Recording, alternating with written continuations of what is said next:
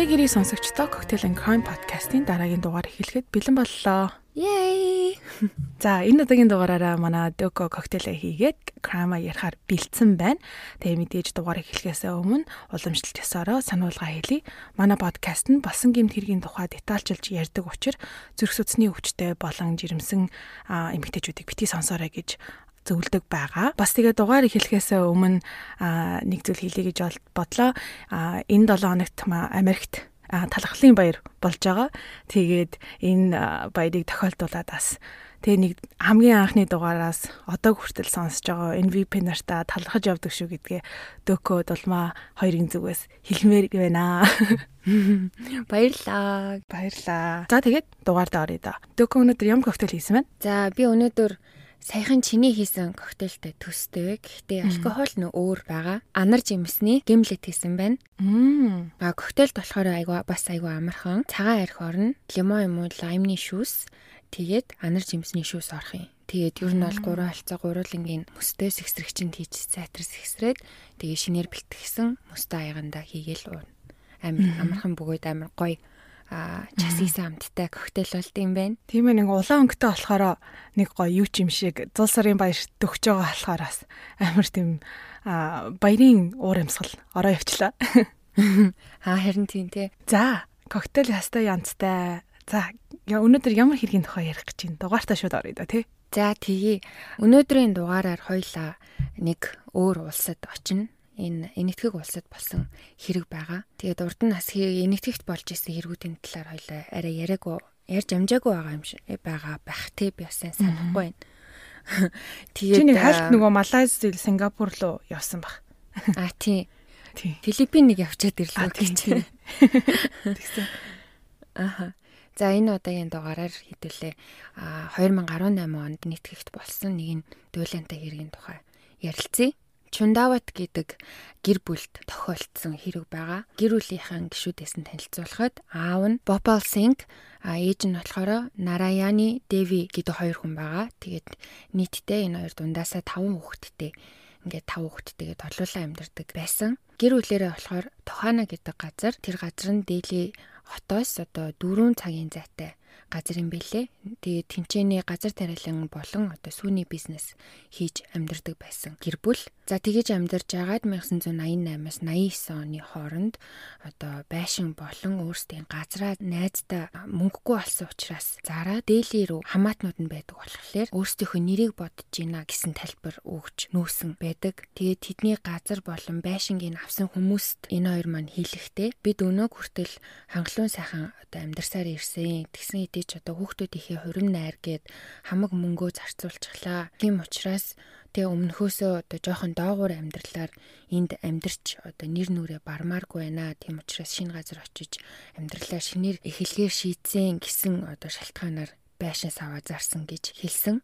Дээлид очоод бүхнийг мэдээж тгээс эхэлсэн. Нэг жижиг манайхнаар одоо түүц гэх юм уу тийм жижигхэн дэлгүүр ажилуулдаг байжгаад хүүхдүүд нь том болоод хичээл сургуульд явж одоо хүнтэй суухан суугаад хүүхэд гарах нь гаргаад хамгийн том хүү болох Динеш гэхэд одоо өөр хотод очиж амьдрахаар болоод бас дунд охин нь хүнтэй сууж нөхрөө дагаж явсан байгаа. Ингээд одоо тэр дээлидэх байранда доод давхартай дэлгүүрээ ажилуулад дээд давхартаа одоо үлдсэн гурван хүүхдийн хамт ингээд ээж аав нь амьдардаг байсан. Гурван хүүхэд нь болохоор охин Пратиба гэж эмэгтэй байгаа. Тэр хүний нөхөр нь нас урсан учраас охин Прианкатагаа тэгээд хоёр дахь хүүхэд нь болохоор Бүнэш гэдэг эрэгтэй эхнэр Сатива болон тэр хоёрын дундаас гарсан гурван хүүхэд болох Ниту, Мону, Тарав 3, 3 дахь одоо үлдсэн буюу одоо 5 дахь хамгийн бага хүү нь болох Лалит Түүний эхнэр Тина болон тэдний хүү Шиварам гэдэг.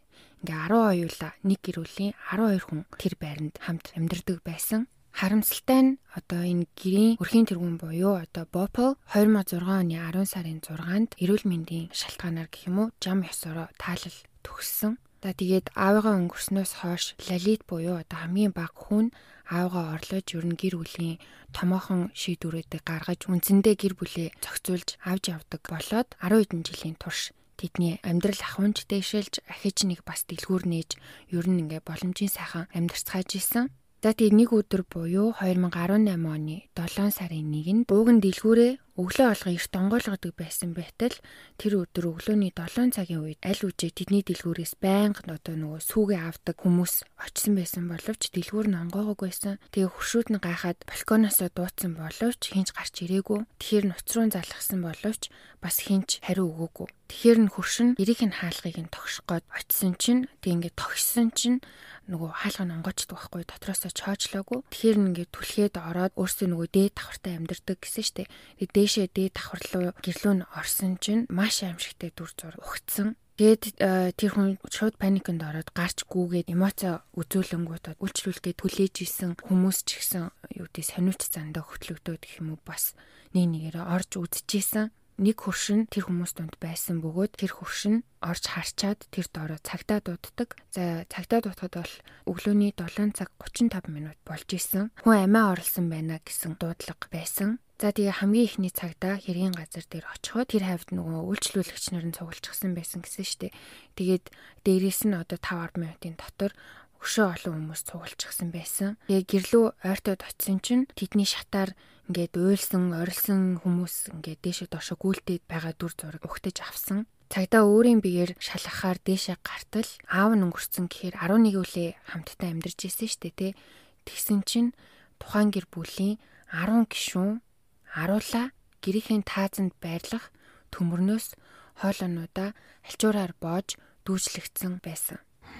Тэгээд мэдээж тэр дорой нэмэлт хүч дуудаж тухайн газрыг хамгаалтанд авч гадны хүн оруулахгүй болсон. Хэргийн газар дээр очисон цагдаа болон одоо шинжээч нар бүгд амьдралдаа байтугай кинон дээр ч харж байгаагүй тийм аимшигтай дүр зураг байсан гэж ярьж илээ. Яг ямар байдалтай байсан гэхээр түрүүсэн тийм нэг гэр бүлийн 15-аас 57 насны 10 хүн аруула нэг дор ингээд дүүжлэгтчихсэн. Тэгээд нүднүүдээ альчуураар боочгсон гарнуудыг энэ ард нь уйцсан, чихэнд нь хөвөн чихчихсэн, заримынхан аманд нь альчуурчихсан байдалтай байсан. 80 настай ээж нь болохоор нөгөө өрөөнд орон дээр цаашаа хараа твтчихсэн хоолоогоо боомлуулж өгсөн байдалтай байсан. Тэгээ тэр гэр бүлээс ганцхан амьд үлдсэн одоо гişүүн нь гэх юм уу да тэр нь бол тэдний дижээдэг байсан нохоол үлдсэн байсан.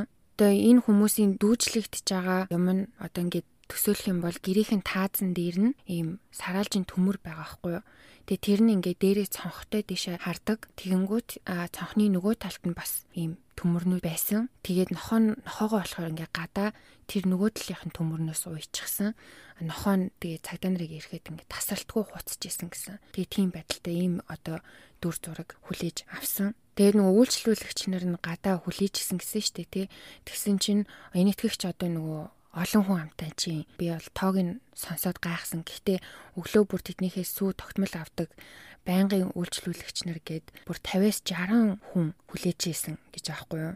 Тэгээ дээрээс нь хуршууд нэмэгдээд тэгээ дээрээс нь одоо тэргээр жоохон үмэн болоод ирэхээр хэрэгт дурлсан хүмүүс ингээд ирээд те тэр дороо ер нь яг тэр хав маш их хүний хөлөнд дарагдсан байдалтай байсан. Тэгээ одоо ойр хавийн хэрэгт дурлаад ирж байгаа хүмүүсээс гадна телевизийн сурвалжлагч нар хотын байтугай одоо энэтхэгийн өнцөг булан бүрээс нэг нэгрээ эрсгэж исэн. За тэгээд юу болчвоо гэд дөнгөж орсон цагдаа нар ер нь ингээд эргэн тойрноо хараад ажиглалт хийхэд аллага юм уу гэхээр одоо бүхэл бүтэн 11 хүнийг гэхэр чинь нэг хүнд дор хаяж одоо тэр хүмүүсийг контролдохын тулд гэх юм уу да тий нэг хүнийг дор хаяж нэг хоёр хүн ноцтолтхон тайшин одоо тэгт ингээд нэг барих болно доо. Тэгээ ботхоор 20 хэдэн хүн тэр умгар жижиг өрөөнд дотор ороод аллах ч юм уу янз бүрийн болсон байна гэхэд ямар ч тийм уул мөр байгаагүй. 20 хэдэн байтугай гадны нэг шиг хүн орсон ч уул мөр байгаагүй. Бүх юм нь байрандаа тэгээ бурхан шашны юм газраар нийдэлгцэн өөрсдийнх нь эмэг бүгж зүйлт бүгдээрээ биеинд нь ингээд байж исэн. Тэгэхээр бүлэглэн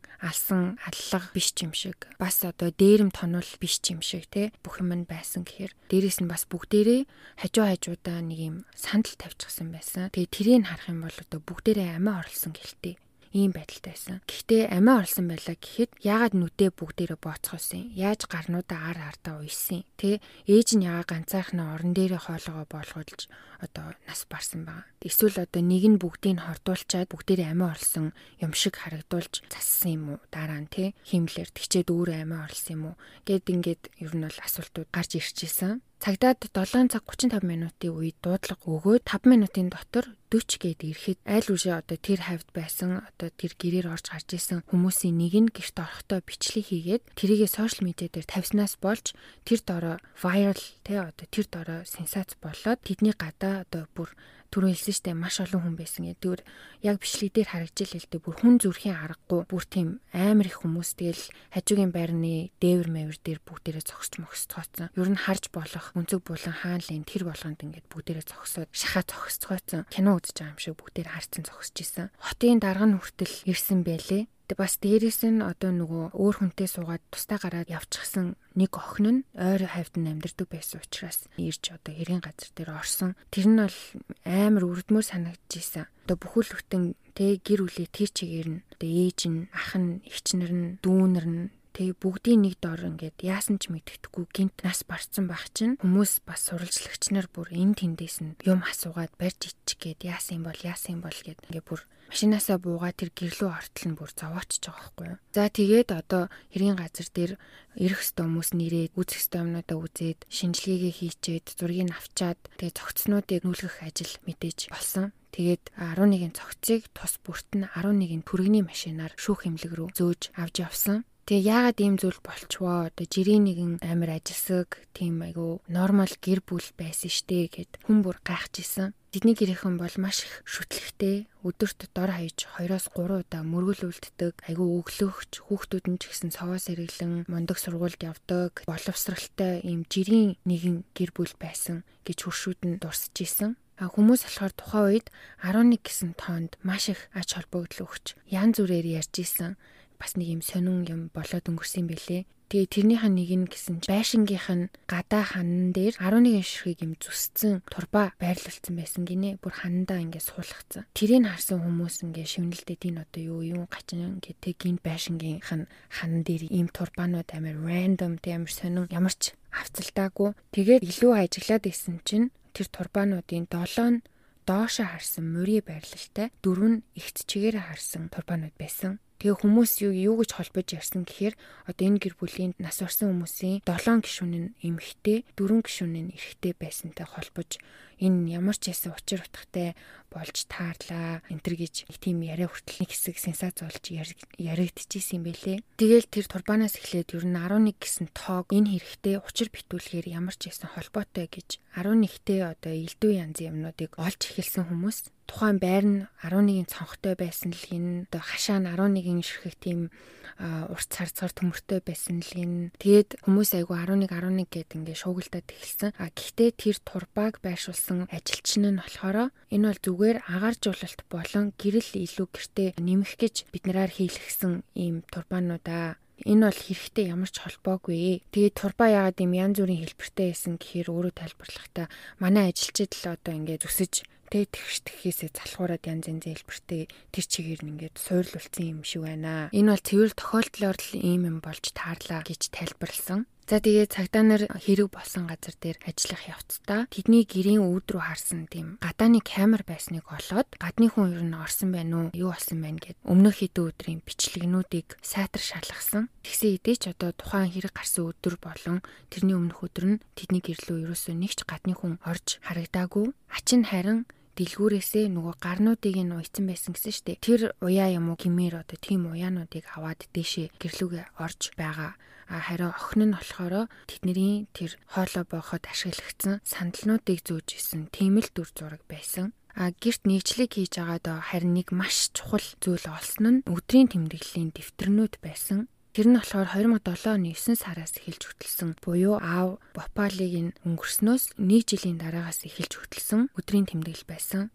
Тэгээ одоо хамгийн хачирхалтай юм нь болохоор өдрийн тэмдэглэл чинь нэг хүмүүс тухайн өдрөө болсон юм а бичдэг шүү дээ.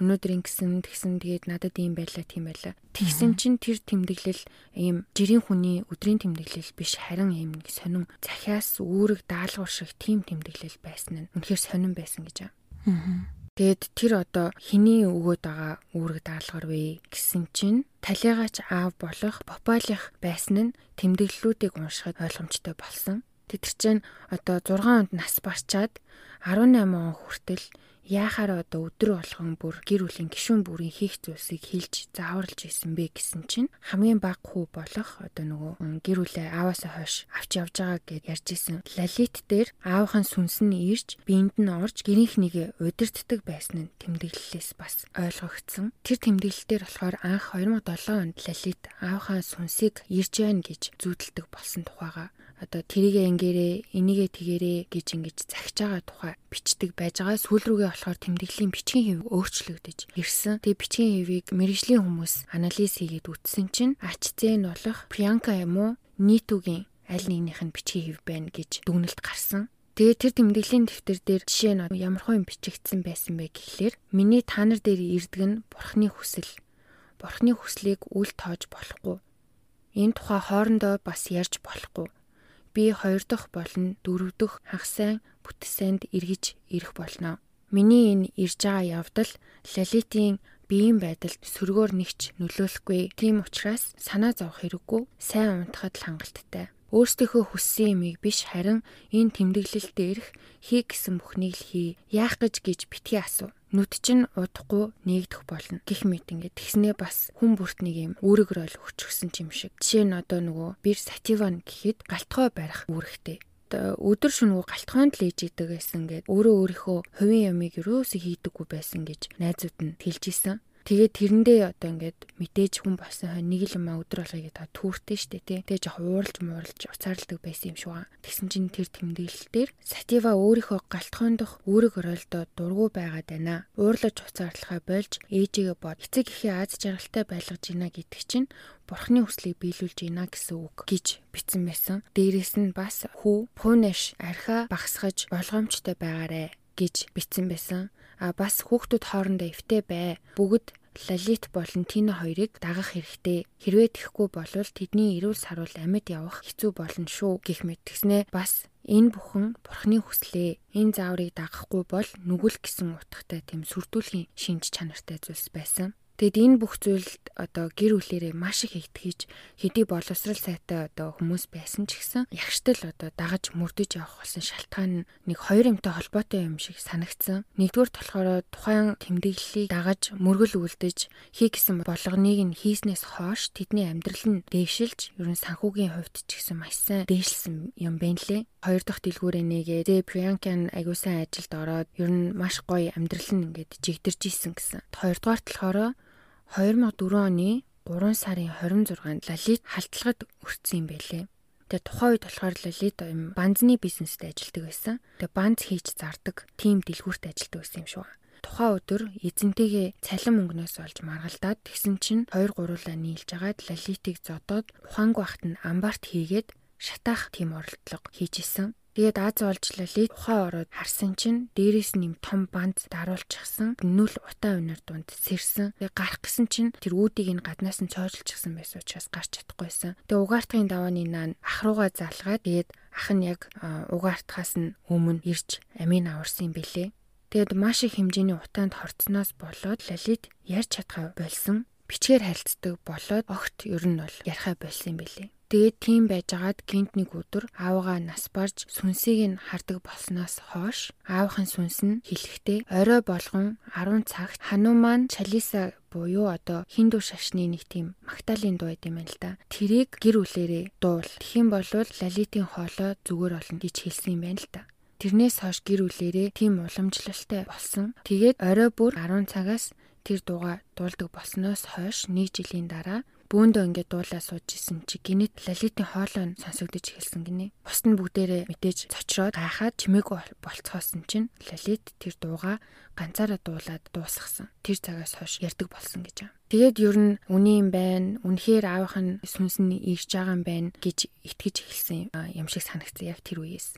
Тэгээд э, Лалитийн бийд ордог байсан юм уу гэлтэй одоо аавынхаа хоолоогоор аав шиг ярьж тэр тэмдэглэлийг бичүүлдэг. А бас дээрээс нь өөрийнхөө ээжийг чи гэж нэрээр нь дууддаг байсан юм бэлээ. Тэгсэн хэрнээ аавынх нь бодлон одоо өвөө гихэнтэй нөхрийнх нь сүнс ирдэг. Тэгээ дээрээс нь бас эднэрт үүрэг даалгавар өгдөг. Тэр болгоныг нь дагдаг. Тухайга ерөөсөө энэ хэд өөр хүнд нэгч цухуулгаагүй юм бэлээ. Гэр дотроо нэг тийм жижиг хэмжээний гэх юм нэг шиг маягийн юм болоод байсан юм шиг байгаа. Тэгээ хэрэг болсон өдөр яг юу болсон бэ гэсэн чинь бүр 7 хоногийн өмнөөс бэлдэж нэг шашны зан үйл бөөнөрөө тухайн одоо нөгөө тэмдэглэлийн дагуу хийсэн нь тэр байж таарсан. Тэрийгэ болохоор Banyan Tree Ritual буюу монголоор бас энэ ямар мод гэдгийг би хэлж мэдэхгүй байна. Славаар дээр бас олж чадаагүй. Ямар ч байсан банян гэдэг модны зан үйл гэж нэрлсэн байна. Тэр мод нь болохоор маш том бөгөөд өчрнүүдээс нь үндсэн гимээр юм уу юмнууд ингээд доошо үс шиг унжиж ургадаг тийм мод тэрэн шиг өөрсдийгөө дүүжлээ гэсэн тийм заавар байсан. Тэр унжлах шиг харагдах хуйцаар тэмдэглэлтээр одоо бүх хийх юмыг зааж өгсөн байсан. Тэр нь шүн нэг цагт зан үйлийг үлдэн. Энэ зан үйл нийтдээ 7 хоногийн турш үргэлжлэн. Хэрвээ хэн нэгэн гэрт ирэх юм бол тэр өдрөө биш маргааш нэнийг үлдэх болно. Дотор бүдэг гэрэлтэй байх хэрэгтэй. Нүдэ хааж боосон байх хэрэгтэй. Сэтгэл зүй нойл байх хэрэгтэй дүүжлэгдээ зогсож байхдаа банян модны мөчрүүд бие чинь ингээ ороож ийна гэж төсөөлөх ёстой. Энэ зан үйлийг нэгэн санаатай эвтэй хийгээрэй. Тэгхийн бол одоо бүх алдаа эндэгдлээс чинь тэтгэх болно. Дээрэс нь одоо аманда нойтон алчуур хийгээрэй. Бүхнийг ёсчлон биелүүлэх юм бол бурхан та нарын үнэнч байдлыг чинь үнэлэн шүү. А тэгээд аяганд ус хийж тавиарай. Усны өнгө өөрчлөгдөх үед би ирэх болно. Та бүхнийг аварна. Ингээд энэ зан үйл дуусахад та нарын бүх хийсэн алдаа нүгэл бүх юм чинь өршөөгдөж амьдрал маш сайхнаар өөрчлөгдөнө. Зан үйл дуусахад бүгд бие биенийхээ бүлээсийг тайлахад туслана гэсэн байсан.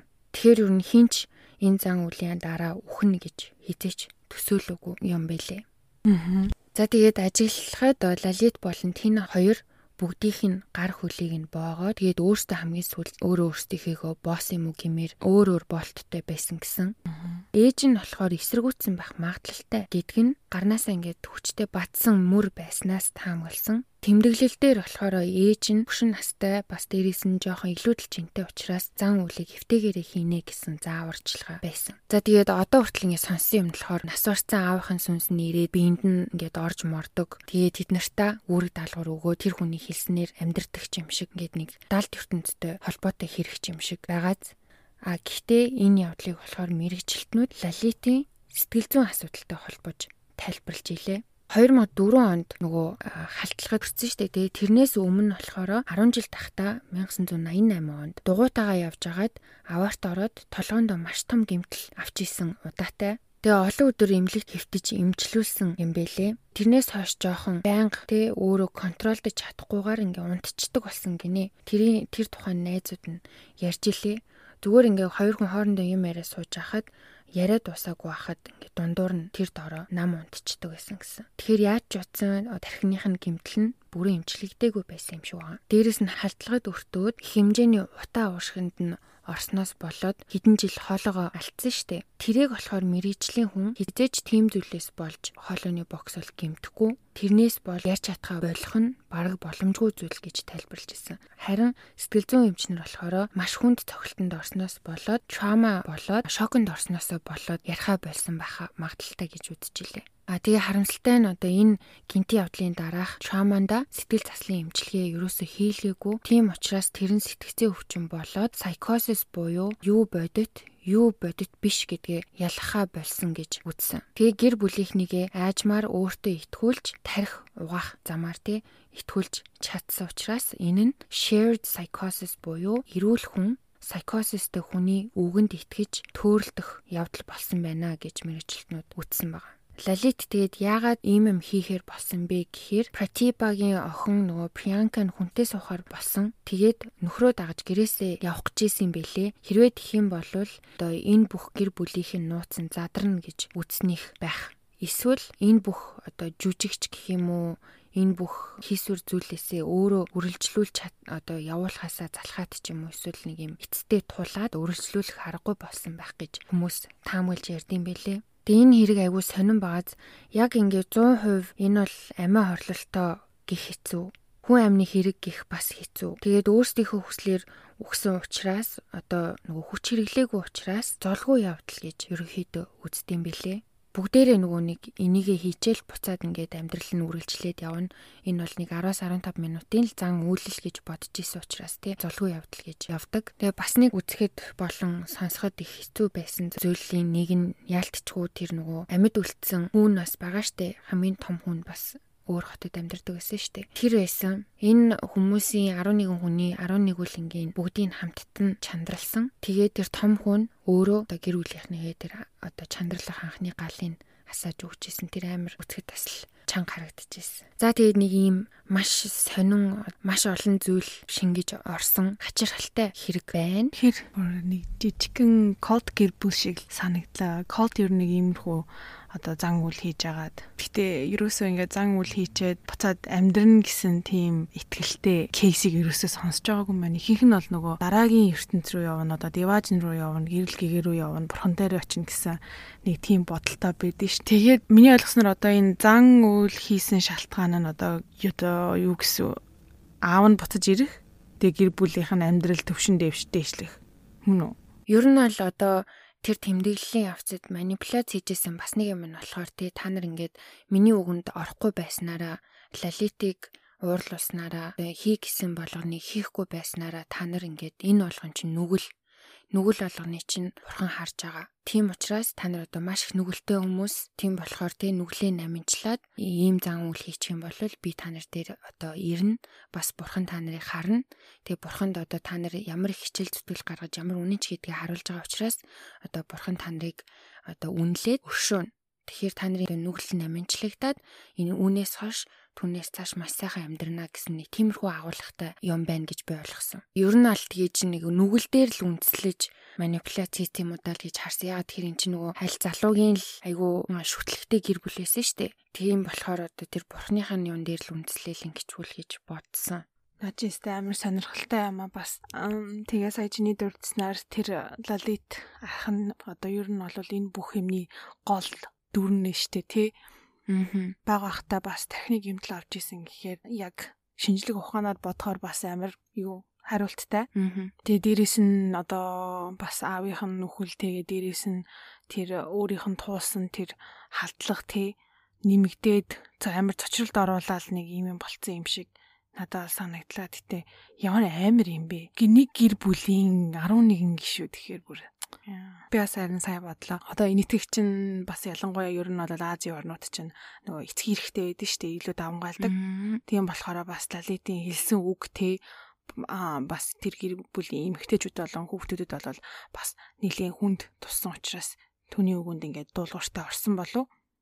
Ер нь саяны хэлсэн шиг одоо бүх хүмүүсийг одоо шинжилгээ шинжээд үзэхэд тэр хөгшин ээжээс нь бусд нь олвол нэг амар эсэргүүцсэн тийм шинж тэмдэг тий цогцнуудаас харагдаагүй гэжсэн тий. Тэгэхээр бас одоо тэр эцгийн ирэх ёс заншил бас нэлээд үүрэгрэл тавсан юм шиг санагдлаа.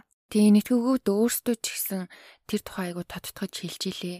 Одоо энэтхүүгүүд гэлтгүү ер нь Азийн ихэнх орнууд чи эцгийн эрэхт тэгээ дээрэс нь нөгөө манайхан ч айгу бөөндөө хамттай амьдардаг те эмээтэйгээ өвөөтэйгээ ээжтэйгээ автагаа бөөндөө амьдардаг. Тэнгүүт яалтчгүй одоо өвөөгийн ч юм уу аавын үг бол ингээд гэр дотор нэг хууль болчоод идэг штэ Тэгэхээр яг л тэрний дагуу аавыг нь нас ороход яг тийм одоо орон зай үлдсэн байсныг лалит өөрөө нөхөд нөхөх нөхөхдөө бас одоо аавынхын сүнс нь ирж ин гэхэр чин гэрийнх нь бас тий айгу одоо юуг мэрчин хүч нэмээд өгцөн юм шиг тэгсэн баха санагцсан тий. Тийм шүү дээ. Үнэхээр харамсалтай. Би сая ярин чамаг ярьж яхад нь хэрэгт дурлаад зургнууд харлаа. Аа их юу харагдчихин шүү. Харин тийм аа. Яг л нөгөө тэр банян гэсэн мод шиг ягаад яг л яг л байна. Тэгээд айгүй эвгөө тэр нөгөө сандалнууд нь яг хажуу хажууд нагаад тэгэнгүүт яг нөгөө хэргийн газрын зургийг харахаар ихэнх хүмүүсийнх нь хүүхдүүдийнх нь хүртэл одоо хөлн газар хүрсэн байдалтай байсан. Дээшээ бол зураг байхгүй байгааз тэгэхээр хүзүүнүүд нь сонсон байгаа ах гэж одоо би бас жоохон юу одоо дайнаа гэж жоохон айсан. Төвлнүүд нь газар хүрчихсэн ээж нь бас ингээ цаашаа хараад боолгуулсан альчуур малчууртайгаа тэр чигээрээ байсан хэргийн газрын зураг бол бас амар байсан. Эвгүй харагдчих шүү. Тэгээд ийм жижиггүй өрөөнд 10 10 хүн ингээ байж исэн гэхээр тэр дүр зурагт одоо нүдээр харсан хүмүүс бол амар л байсан багт. Тийм шүү дээ. Ямар л лагтай гэж өстой. Хайрын юм аа энэ хүүхдүүд нь хамгийн бага нь хидтэй байсан гэлээ тинейжер байсан. 15. Тий 2 15-тай хамгийн бага нь маш харамсалтай. Аа. Сая ингээл дурдагдлаа штэ эцгийн ирэх гээл. Ер нь бол манай Азийн Аз ТV одоо Аз culture тэ ёс заншил ер нь бол мэдээж аа аа уу ээж ээж үг бол ер нь бол хууль байдаг. Ихэнх кейсүүдэд те ихэнх хэрэг ихэнх кейсүүдэд мэдээж ээж аав бидрийг бол хизээж муу мухааруу дагуулахгүй. Гэхдээ бас өөрийн гэсэн дуу хоолойтой байх тий өөрийн гэсэн санаа бодоо үзэлтэй байх бол маш чухал гэдгийг сануулсан хэрэг болов гэж бодлоо бас. Аа. Бас cult тий ёо энийг ингээ бодохоорс ямар эвгүй юм бэ? Бүр гэр бүлийнхэн ингээ үгүй харин тийм ээ. Гадны зүгээр хүнж биш. Бүр яг өөрийнх нь төрсэн хүүхэд нь төрсэн дүүн гэхээр бас ямар агааз тийм. Энэ дээр бол яах яалтчгүй энэ лолит бол одоо гэр бүлийг авч явж байгаа. Тий ер нь аавыгаа нас орсноос хойш гэр бүлийг авч явж байгаа. Өрх толгойлогч гэдэг тэр одоо тайтлтэй тэр нэр хүндийг бол нэлээ ашигласан харагдаж байна. Тэгэл бүгдээрээ үгэнд нь ороод ёстой золгүй үнэхээр харамсалтай ёстой муухай юм болжээ. Би энэ хэрийг ерөөсөө бүр сонсч үзэж байгаагүй бүр шоконд орлоо. Аа. Тэгээ нөгөө энэтхэгчүүд нь өөрсдөө бас амар гайхаад байгаа байхгүй юу? Эн чин бүх хүүхдүүд нь одоо бүгдээрээ дээд боловсралтай бүгд те бүгдгээ хүүхдүүд нь орчин үеийн хүүхдүүд байдаг 18 он гэдэг чинь 3 жилийн өмнө интернет ингэтлийн хөгжсөн ийм 90 100-д амьдарч иж яаж ийм юм болчвоо ягаад нэгэнч одоо энийг а эргэлзэж тий асуулт асууж сүрж ерөөсөө тэгсэнгүү гэд өөртөө бас ингээ бүр гайхацгаасан байсан. Тэгээ бодвол одоо нөгөө нэг нүдэн дээр нь гэрчлэгдээд ч гэх юм уу батлагдаад исэн зүйлсүүдээс болж бат бат итгэцгээсэн байх та. Одоо аавхан хоолоогоор яриад ээжигээ ч гэсэн их нэртэйг ярьж байгаа юм шиг чи юмээ гэж яриад. Тэгэл одоо нөгөө хэрвээ энэ дууг дуулаад ах юм бол лалит эргээд хоолойтой болно гэсэн одоо тэр нь болчлоо. Дээрэс нь одоо гэр бүлийнх нь аж амьдрал эдийн засгийн хувьд бол маш сайн байгаад идэг. Тэгээ бүхэл юм нь ер нь ингээ сайнаар өөрчлөгдөд байсан учраас нүдэн дээр нь удаа дараалал одоо батлагдаад байсан учраас хитрхи итгэчхүүдээ л гэж бодогдсон. Тэгээ нөөний худал үгийг 1000 тавтвал үнэн болдог гэдэг шиг. Psychosis-тэй хүнийг дагаад тэр тэр одоо delusion тэр хий зүйлийг нь өөрсдөө ингээд харсан мэтэр итгээд өөрсдөндөө итгүүлээд эрүүл хүмүүс байж ич те тийм олуулаа ингэж үгэнд нь автсан байна гэдэг чинь бас энэ сэтгэл зүйн сэтгцийн өвчм гэж бас амар зүйл байгаа шүү. Ястай ястай. Тэгээд одоо энэ итгэгчүүд өөрсдөө хэлэхдээ энэ хүү түүхээс нэг хамгийн том бидний сурах ёстой зүйл бол сэтгцийн эрүүл мэндийн тухай болон айл герт герт дотроо болж байгаа юм эргэлзээтэй асуудал энэ төр байх юм бол иймэрхүү асуудлуудыг өөр хоорондоо ярилцах ёстой юм байна. Ингээд хав дарчиж болохгүй юм байна. Хэдийгээр одоо хөршүүдтэйг амар сайн нэгт холбоо харилцаатай байсан хүмүүс байсан хэдий ч цаалтаа алганы цаана ийм зүйл болж ийн гэдэг чинь байж боломгүй одоо юу гэдэг энэ бүхэн тчлэн сэргийлэх боломж байсан штэ. Тийм учраас одоо сэтгцэн эрүүл мэндийн тухай хоорондоо ярьцгаая. Одоо иймэрхүү зүйлсүүдийн тухай бас хоорондоо ярьцгаая. Нормал биш зүйлс болоод ах юм бол найзтай ч юм уу итгэдэг хүмүүстэй ярьж хэлэлцэж асууж зөвлөлцгөө сохроор бас ямарваа нэг юм дагаж болохгүй нэ шүү гэдгийг ойлголоо гэж ярьж илээ. Аа. Үнэ үнэ. Энэтхэг болон ер нь бол Азийн орнуудад сэтгцийн эрүүл мэндийн талаар дөнгөж ярьж хэлж байгаа юм шиг санагдаад байгаа шүү дээ. Барууны оронд бол амар сүртэй хүлээж авдаг. Ялангуяа Америкт чинь бас айгүй хөгжсөн салбар шүү дээ. Тэгэхэд Монголд болон одоо бусад Азийн орнд энэтхэг ч гэсэн ялгааг байгаа хгүй одоо энэс харахад өөртөө ч гэсэн ярьж илээ бид нар ерөөсөө юм сэтгцэн эрүүл мэндийн тухай табу э, юм шиг ойлгодог ярьж болохгүй сэдв юм шиг ойлгодог. Тэгээд энэ тухай одоо ингээ ярилццгаа. Энэ чинь өстой маш чухал асуудал шүү гэдгийг бас дахин дахин мессеж өгч илээ. Аа. Тэр ч гэсэн ер нь бол урдныхаа дугаар бас зөндөө урдчил байсан. Байнга л дурддаг. Сэтгцэн эрүүл мэнд бол бас тэг бие махбодын эрүүл мэндтэй адилхан бараг илүү одоо арчилгаа хэрэгтэй байдаг юм шиг санагддаг. Угаасаа тэрийг бол сануулж одоо хэрэг болгон дээр л ер нь гарч ирдэг учраас байнга сануулахыг оролддог. Одоо тэгээ урд нас ярьж исэн манай Монголд сэтгэл зүйн эрүүл мэнд одоо жоохон ингээд жоохон ингээд өөрчлөгдөөд одоо тий өөрчлөлт гарахад л дандаа нэг шар хадны галзуу шизота мизота гэл нэг иймэрхүү ярьдаг. Одоо тэр яриагаа болоод үнэхээр энийг сериосны хүлээж авцгаагаад тий авах ёстой тусламжаа аваад одоо энэ ирээдүйд болох боломжтой энэ одоо хэрэгүүдээс урьдчилан сэргийлцгээе. Аа. Тий. Үнэхээр одоо энэ хэрэг бас маш олон сэдвүүдийг гаргаж ирлээ гэж миний хувьд боллоо сэтгэл зүйн эрүүл мэнд би би мах бодийн эрүүл мэнд гэр бүлийн зөв харилцаа тий а бас дээрэс нь cult гэдэг сэдвийг бас гаргаж ирлээ. Аа тэгээ гаднаасаа гаднаасаа харахад энгийн юм шиг мөртлөө дотроо бас ямар хүний амьдрал өөр байдгийг бас бидэнд дахин нэг сануулсан хэрэг боллоо гэж би хувьдаа бодлоо. Тэгээд маш сонирхолтой хэргийг алс холын энэтхэгээс чир тавчрын ярьсан докодо баярлаа гэж хэлмээр байна. Би энэ хэрийг ерөөсө сонсож байгаагүй юм байна, мэдж байгаагүй юм байна. Тэгээ сая чамайг ярьж байгаа хооронд чинь Google дээр үзсэн чинь бас Netflix-ээр а Netflix-ээр докюментари гарсан юм байна шүү дээ, тий, баримтат кино. Тэрийг одоо чамтай ярьж дуусчаад үзье гэж бодлоо.